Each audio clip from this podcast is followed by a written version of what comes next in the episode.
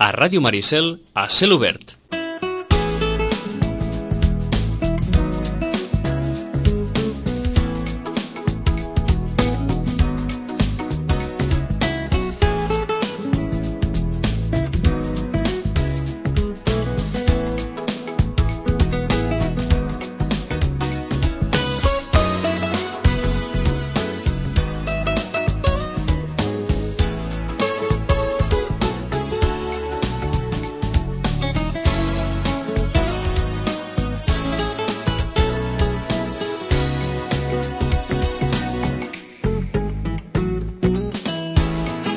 Fa 15 dies parlàvem amb la Rosana Lluc eh, i ens recomanava doncs, algunes, eh, alguns llibres, algunes eh, propostes, però avui hem de començar amb una, doncs, amb una possibilitat, que és eh, que avui hi ha un indiscutible protagonista a les pàgines dels diaris d'avui pel que fa a la literatura. Es diu Albert Sánchez Pinyol.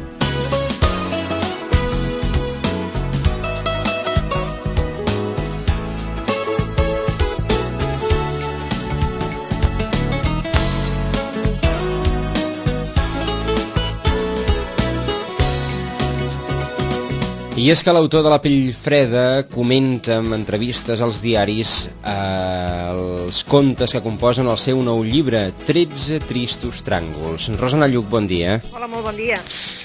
Que heu rebut el llibre? Sí, sí, hem rebut el llibre. A més a més, el llibre s'ha editat amb tapa dura i amb tapa tova. 13 tristes tràngols és un llibre de contes, un llibre de contes que ell es veu que ja tenia en cartera per, per portar-nos eh, i per de dir, doncs el trec, el trec abans de, de l'estiu. I l'ha tret abans de l'estiu. Són contes, són uns contes mm, diferents, que eh, el problema és que normalment al Sánchez Pinyol tenim allò, no? La pell freda, Randall al Congo, com a llibre de novel·la, no? Un, les novel·les i unes novel·les allò per disfrutar-hi. Ara és, és cert que els primers clients que han arribat han dit el llibre del Pinyol.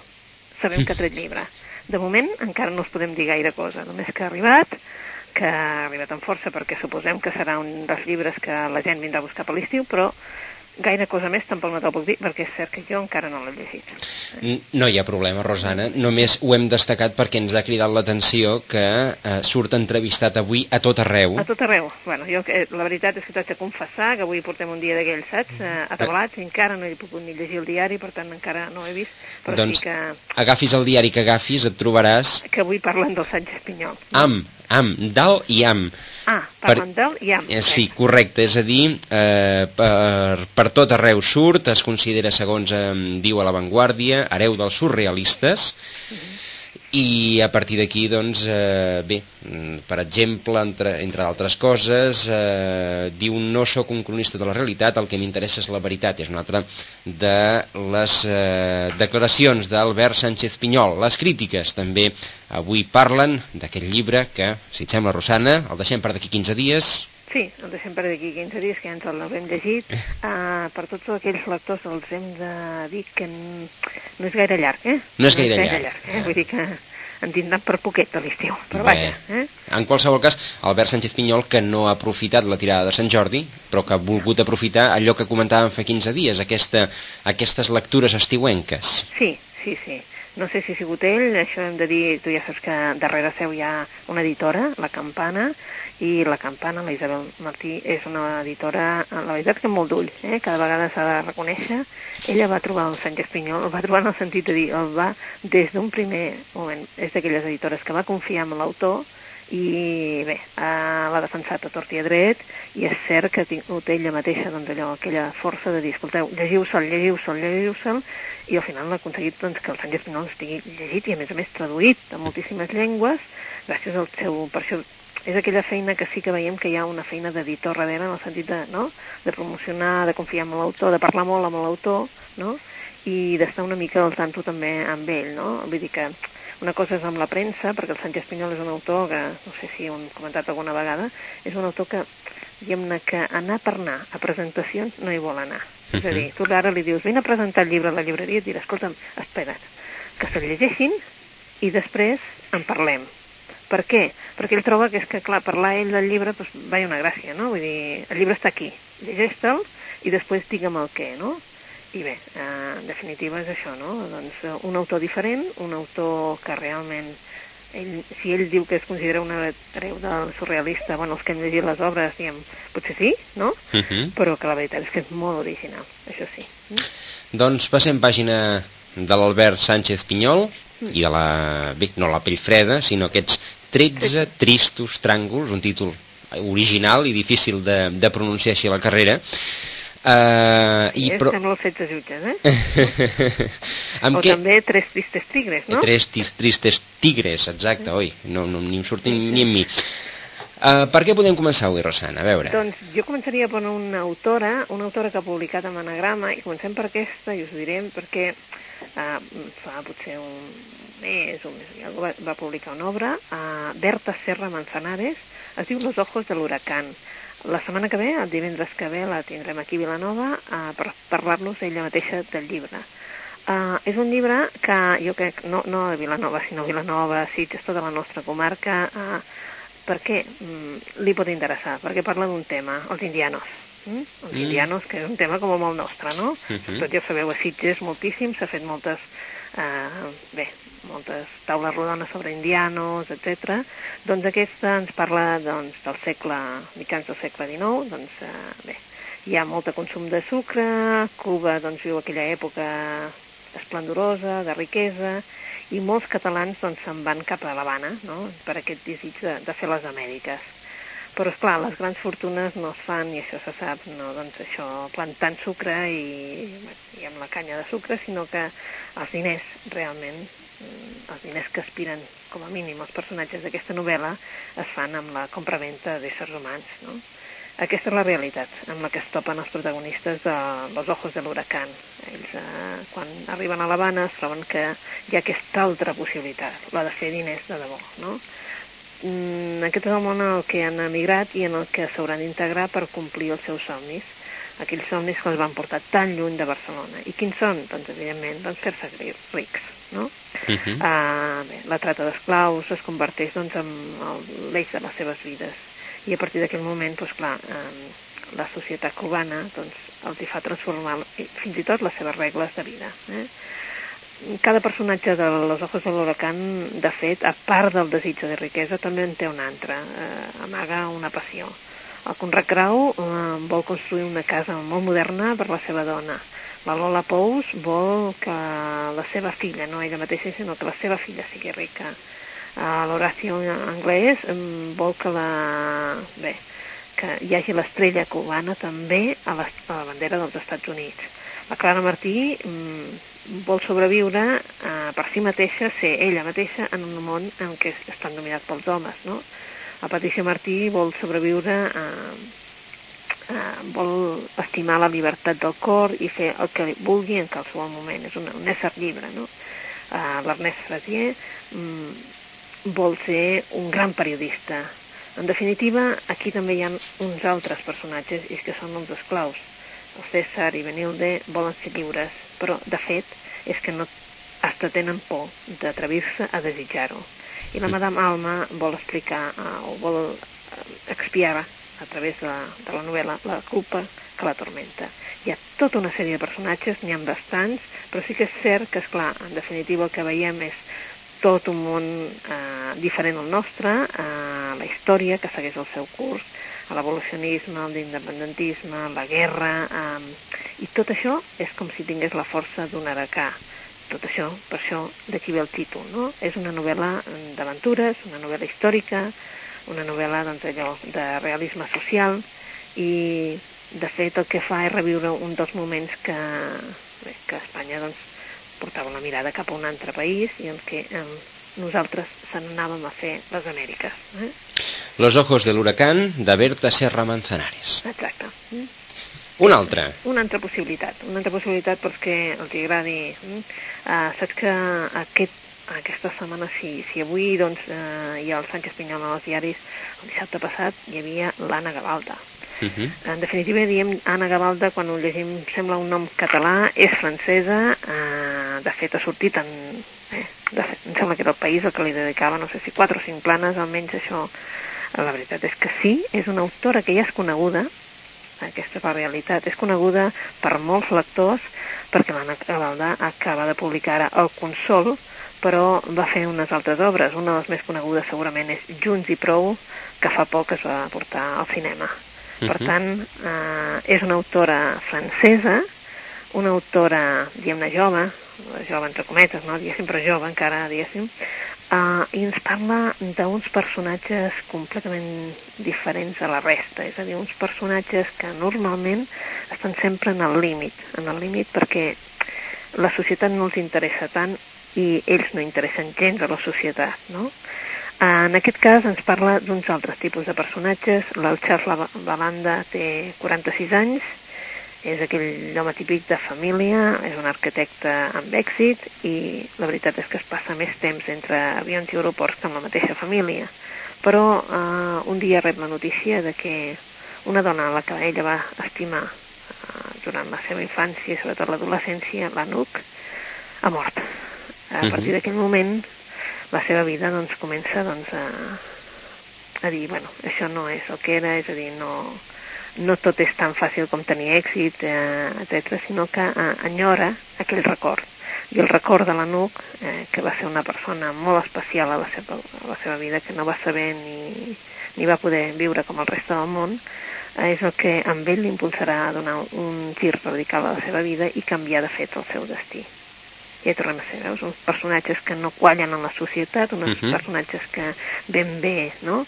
I, en definitiva, uns lligams entre aquests personatges mmm, diferents perquè són uns lligams molt forts i uns lligams que de vegades no tenen res a veure doncs allò de dir, doncs és la meva parella o és el meu fill o és el meu pare. No.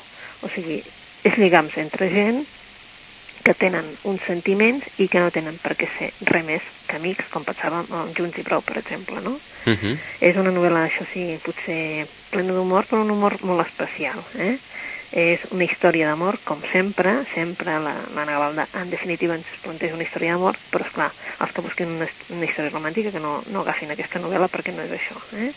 Però l'amor aquí no és només l'atracció entre aquestes dues persones, sinó, de fet, és una és aquelles de dir, bueno, eh, la vida s'ha de viure, la vida sí que val la pena, malgrat que tinguem tants entrebancs i que sembli tot tan sumament difícil. Eh? És el Consol? El Consol. D'Anna Gavalda. I publicat per Edicions 62, com uh -huh. ja va publicar l'altre. Eh? D'acord, doncs...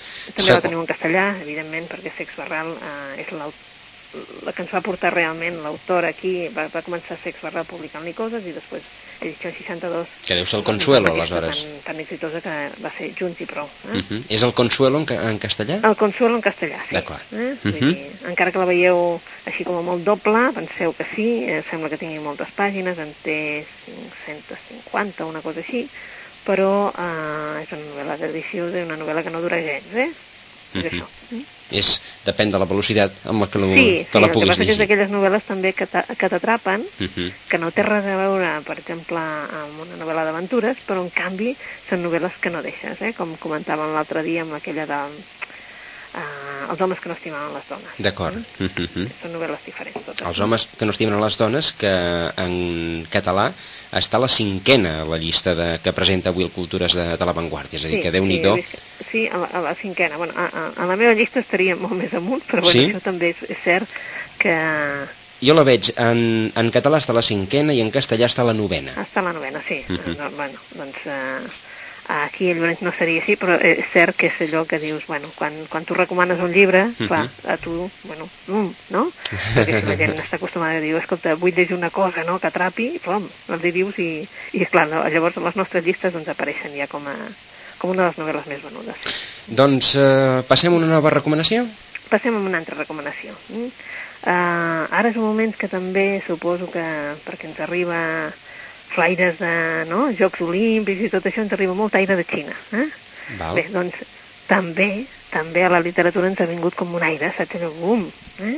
de, de, diguéssim, de l'est, no? Uh -huh. Uh, la Leslie Downer és una autora que ha publicat ara la, la última concubina i, Mhm. uh, en definitiva, ens parla, evidentment, pues, és filla de mare xina i pare professor de xino. O sigui que el seu pare, per això d'ella, es diu Downer, però en definitiva ja veieu que sí que té coneixements i per tant eh, quan escriu doncs escriu amb, sabent el què. Eh? Uh -huh. uh, L'última concubina, de moment, només està, està publicada en, en castellà, però en català, sí, perdona, en català també està publicada, ara mirava, sí, en català també està publicada, la va publicar 62, és que ara veia la, les piles dels llibres i n'hi ha tantes que en m'havia despistat. Uh, la Leslie Downer, amb l'última concubina, ens parla del Japó, eh? del Japó rural de 1861. Eh? Um, Sachi és el personatge, és un personatge de, clar, amb la pell com a molt clareta, uh, les faccions molt delicades i fan que se senti diferent. I ho és. Quan compleix 11 anys, una princesa imperial se l'emporta al Palau de les Dones del castell d'Edo. Eh? Allà, eh, la veritat que en un ambient, doncs això, d'intriga, rivalitats, etc etc, hi conviuen 3.000 dones i un jove shogun, que és el governador del Japó. La Sachi serà l'escollida per convertir-se en la seva concubina. Uh -huh. Els seus privilegis per això eh, només seran un record eh, donat que eh, esclata la Guerra Civil i aquesta noia ha de fugir, ha de fugir per salvar, evidentment, la seva vida.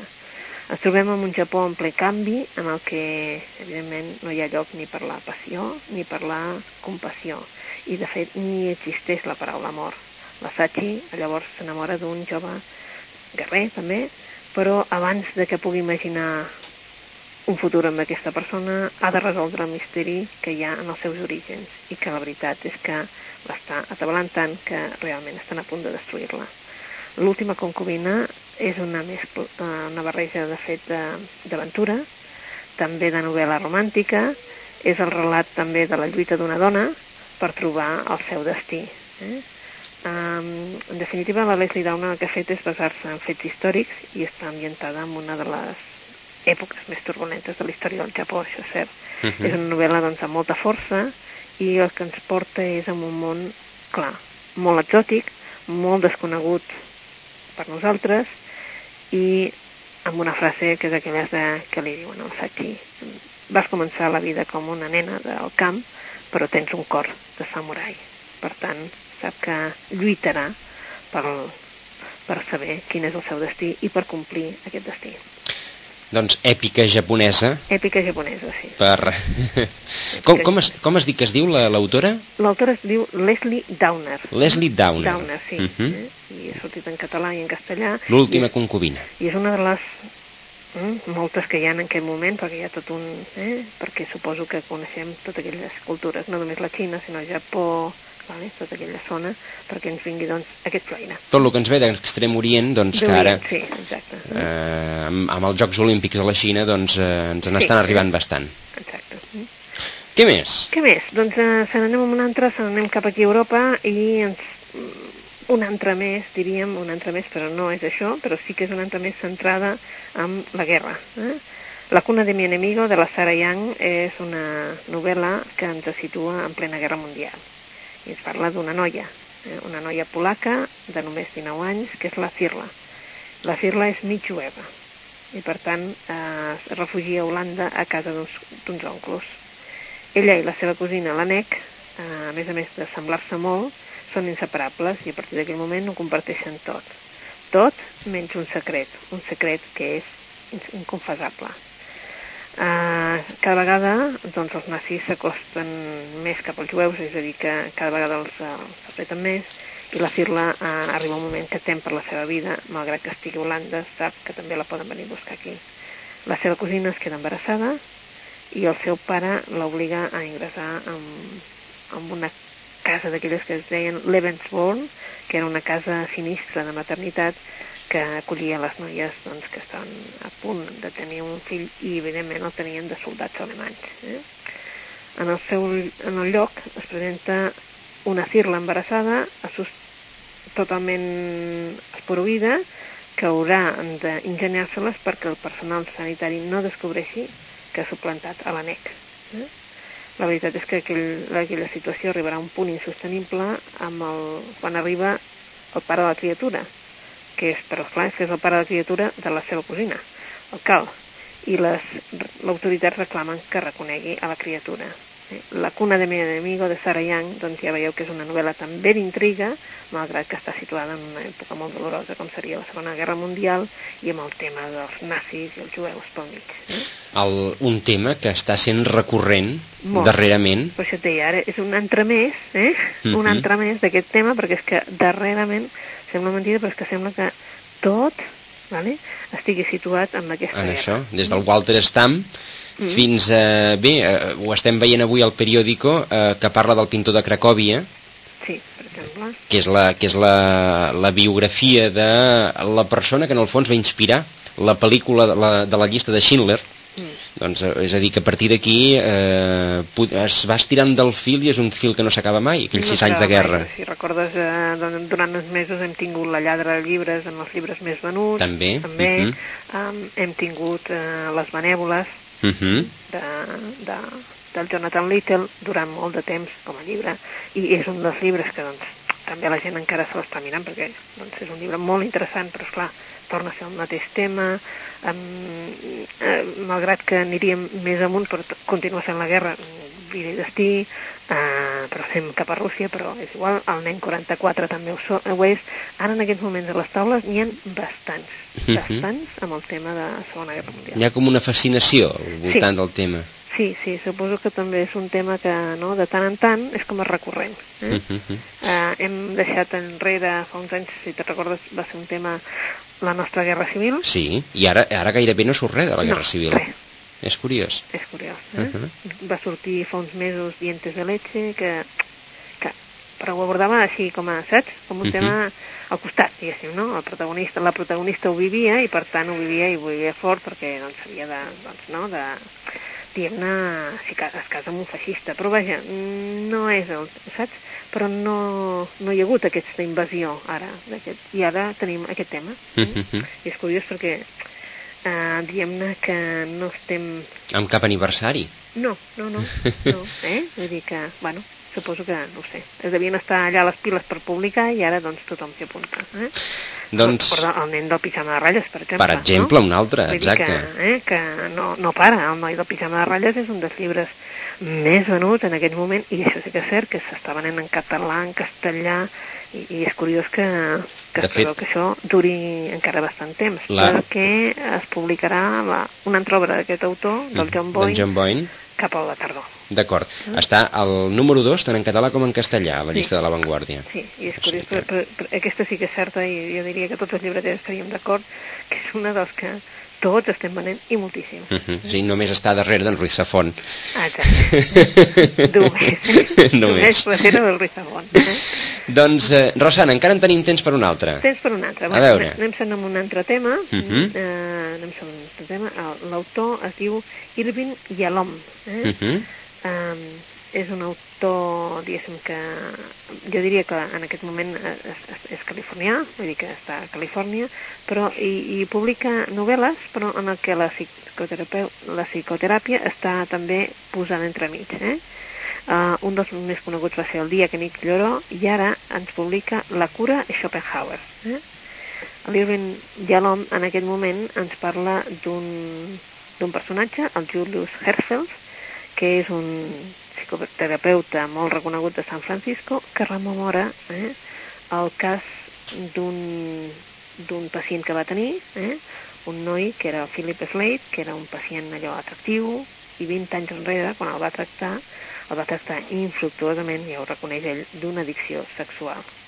Ara el que el Julius fa és un repàs, un balanç de la seva vida professional, i llavors es topa, no, diguéssim, recordant, recordant amb el Philip Slade, amb aquest pacient que va tenir i que ell reconeix doncs, que, mm, vaja, que no, no va arribar realment a, a poder-lo curar. Uh -huh. Mogut per aquest record d'aquell fracàs, el Julius el que decideix doncs, eh, retornar a parlar amb el Philip i per la seva des sorpresa descobreix que ja ha superat la seva neurosi gràcies a la cura Schopenhauer, que és un mètode inventat per ell mateix i basat en el pensament de, del filòsof, de Mhm. Schopenhauer. Uh, Philip uh, decideix que per aliviar els dolors de l'ànima s'aïlla dels demés i per posar a prova les seves conviccions el Julius decideix convidar-lo a un grup de teràpia on s'inicia tots els participants una aventura vital, d'aquelles que tothom s'explica tot i tothom doncs, participa absolutament de tot. No? Um, la veritat és que ens, ens introdueix en aquesta novel·la amb el món de la psicoteràpia. Mm? Llavors el que fa és una descripció com a força interessant de la teràpia de grup i el, la cura Schopenhauer fa un retrat eh, molt exhaustiu de la vida privada del, del pensador, de Schopenhauer, no?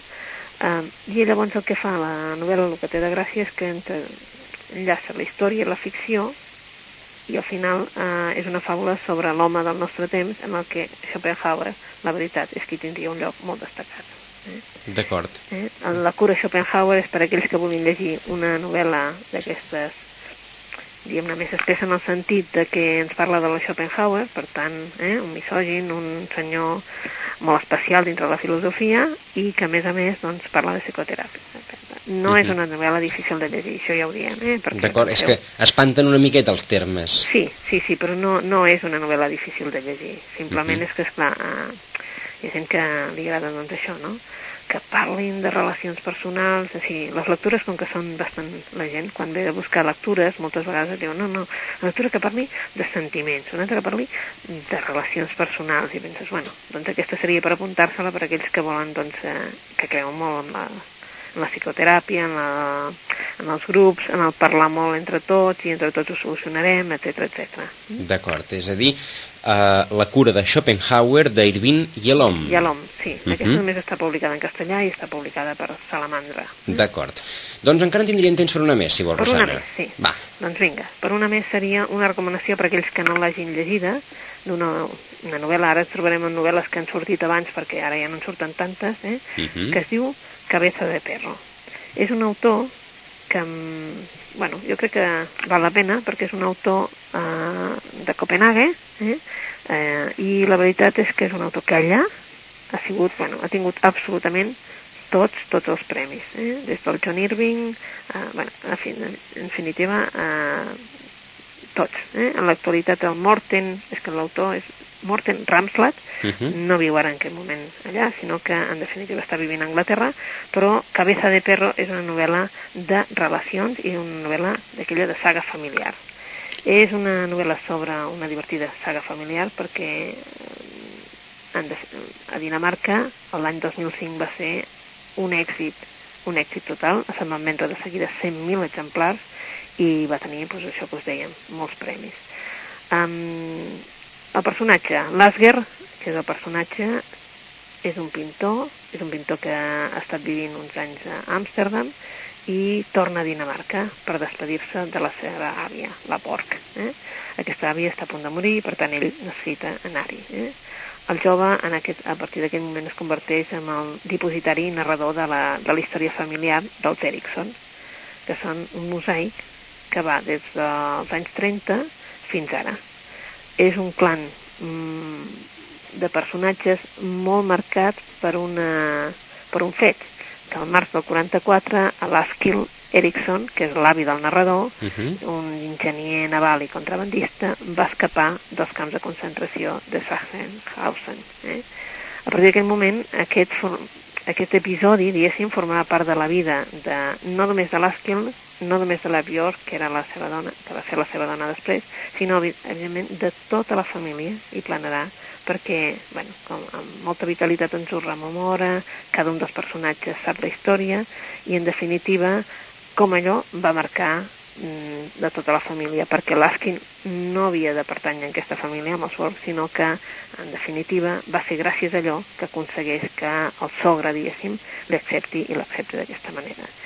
Um, el Morten Ramsler eh, ens explica tota una sèrie d'episodis, de, episodis, la veritat és que bastant graciosos alguns, alguns ja que semblen molt disparatats, però és que van eh, formant la història d'aquesta família. És una saga familiar com ens té acostumats alguna, com la, la, la, la Anna, per exemple, que era una, una, una autora, la Marian Fredrickson, que va fer Les hijas de Hannah, doncs una mica en aquell sentit. Aquells que els va agradar Les hijas de Hannah, la Marian Fredrickson, jo crec que disfrutaran aquesta novel·la. És una novel·la aquelles, doncs, diem, de sagues familiars que van des de l'avi fins eh, el Ken Net i, evidentment, passant per una sèrie de personatges, tot molt, molt interessants.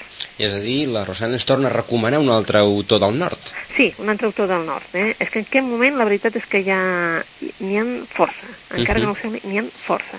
És curiós, s'hem passat anys sense conèixer autors de Noruega, Dinamarca, etc, tret dels més, més, més coneguts, i ara en comencen a sortir i força interessants. Eh? D'acord. que sí. Uh -huh.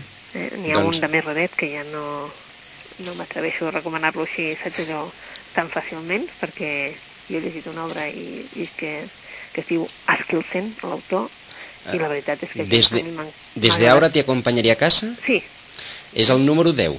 És el número 10, doncs a mi eh, m'ha agradat, però aquest sí que s'ha d'anar al tanto, eh? D'acord. S'ha d'anar al tanto perquè no és una lectura, diguéssim, per tothom, perquè dirà, bueno, que raro aquest senyor, eh? És raro, no, no és raro, eh? És les relacions posades al límit. D'acord. Doncs uh, Gel Askildsen, sí. des d'ara t'acompanярé a casa. Sí, i també té un llibre de relats amb butxaca, per aquells que diguin, ah, que aquest llibre és molt, és molt primer i, i doncs eh, n'agafa un altre. Hi ha un llibre de relats editat amb butxaca uh Mhm. -huh. que realment eh, és deliciós. Doncs ens quedem amb aquestes eh, recomanacions, Los ojos de l'huracán, de Berta Serra, el, eh, el Consol d'Anna Gavaldà, que malgrat aquest nom és francesa, la última concubina, que va de japonesos, de Leslie Downer, la, cui, eh, la cuna de mi enemigo, eh, una altra novel·la eh, ambientada en la Segona Guerra Mundial, eh, de la Sarah Young, la cura de Schopenhauer, d'Irving Yalom, i per últim, doncs, aquest autor eh, danès, eh, Morten Ramslat, eh, i la seva Cabeza de Perro. Han, han estat les eh, recomanacions literàries eh, d'avui de la Rosana Lluc des de Llorenç Llibre. Rosana, moltíssimes gràcies Moltes gràcies a vosaltres. i La doncs, fins d'aquí a 15 Ah, dies. Perdó.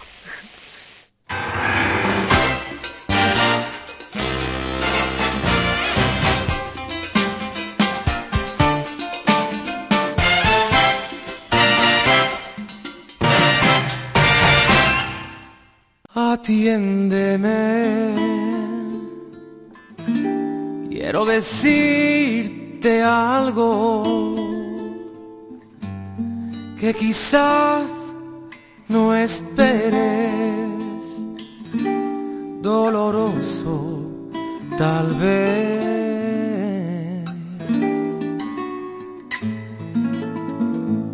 Escúchame aunque me duela el alma, yo necesito hablarte y así lo haré. Nosotros que fuimos tan sinceros que desde que nos vimos amándonos estamos. Nosotros que del amor hicimos un sol maravilloso, romance tan divino. Nosotros que nos queremos tanto, debemos separarnos, no me preguntes no es falta de cariño, te quiero con el alma, te juro que te adoro, y en nombre de este amor y por tu bien, te digo adiós.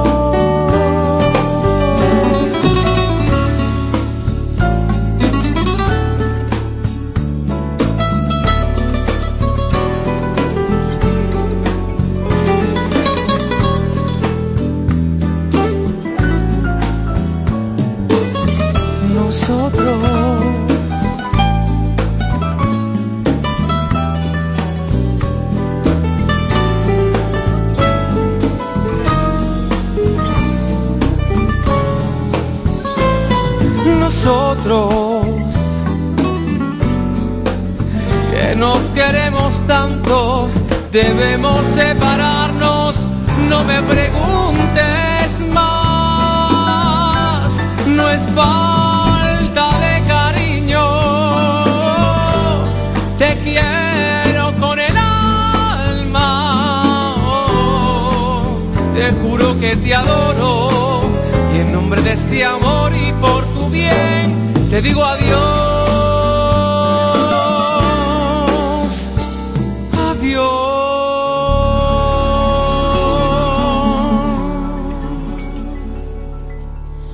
Escoltat la veu de Manu Tenorio i aquest eh, Nosotros, amb ell arribem pràcticament, pràcticament a les 12 del migdia. Abans no acabem, tenim uns minuts per comentar-los algunes informacions que encara tenim aquí al damunt de la taula. A Ràdio Maricel, a cel obert.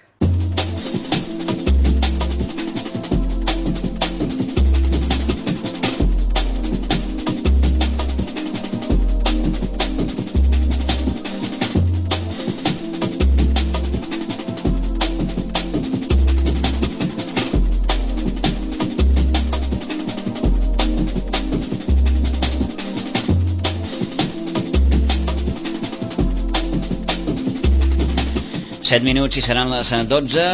Ho recordàvem tot just en començant la cel obert d'aquest dimecres 2 de juliol i es va celebrar roda de premsa al Saló de Plens de l'Ajuntament de Sitges on per cert feia una calor increïble.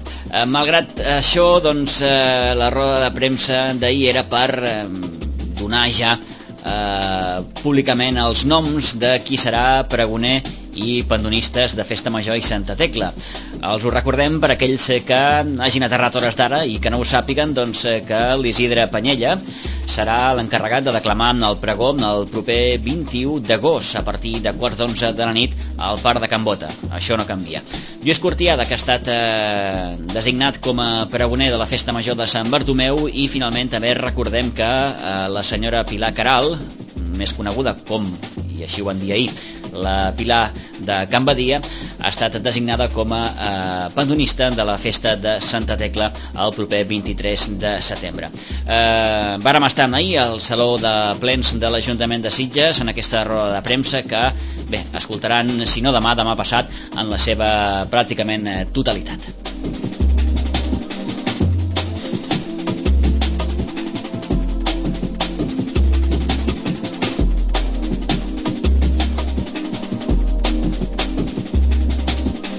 Demà que, per cert, tindrem amb nosaltres eh, Toni Sella, director del Consorci del Patrimoni de Sitges. Hem de parlar encara de les activitats del Sitgestiu Cultural d'aquest any 2008 que prepara un any més el Consorci del Patrimoni de Sitges. Es va fer la presentació pública el passat divendres 27 al racó de la Calma i n'hem de parlar abastament demà a partir de les 11 del matí per tant ens acompanyarà Toni Sella com dèiem per eh, fer una, un ampli repàs detallat de tot el que ens prepara el Consorci per aquest estiu demà que tindrem ocasió també de saludar una de les dues guanyadores del que eh, fou un dels actes destacats de la setmana passada el lliurament dels premis del tercer concurs de dones emprenedores.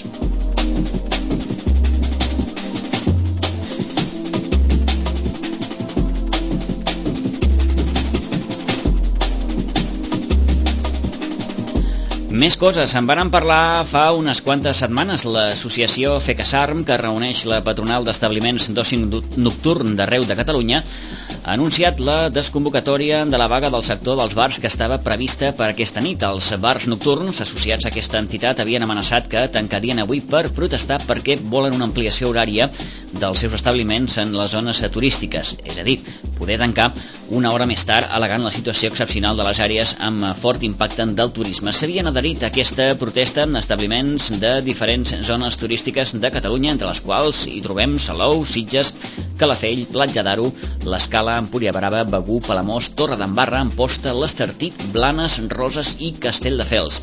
La protesta s'ha desconvocat perquè fa uns dies els representants de la patronal es van reunir amb la directora general del Joc i Espectacles de la Generalitat, Mercè Claramunt, i es van obrir canals de diàleg per tal de resoldre aquest conflicte. El conflicte sorgeix, recordem, arran del desplegament de la nova llei d'espectacles. Segons ha informat a través d'una nota a la FECASARM, el diàleg iniciat amb l'administració preveu discutir, entre altres temes, la qüestió dels horaris.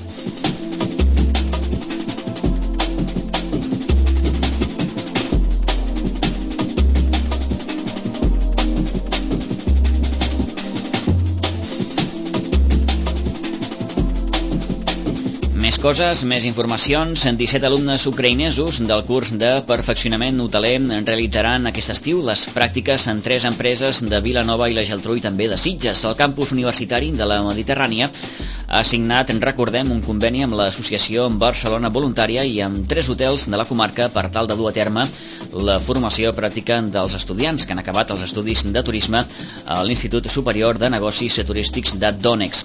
Durant aquestes darreres setmanes, els alumnes han rebut les classes de català per part d'una monitora del Centre de Normalització Lingüística del Garraf que s'ha desplaçat fins a Ucraïna. La formació es farà a l'hotel César, al càmping Vilanova Park i també al grup Mata Sernalot.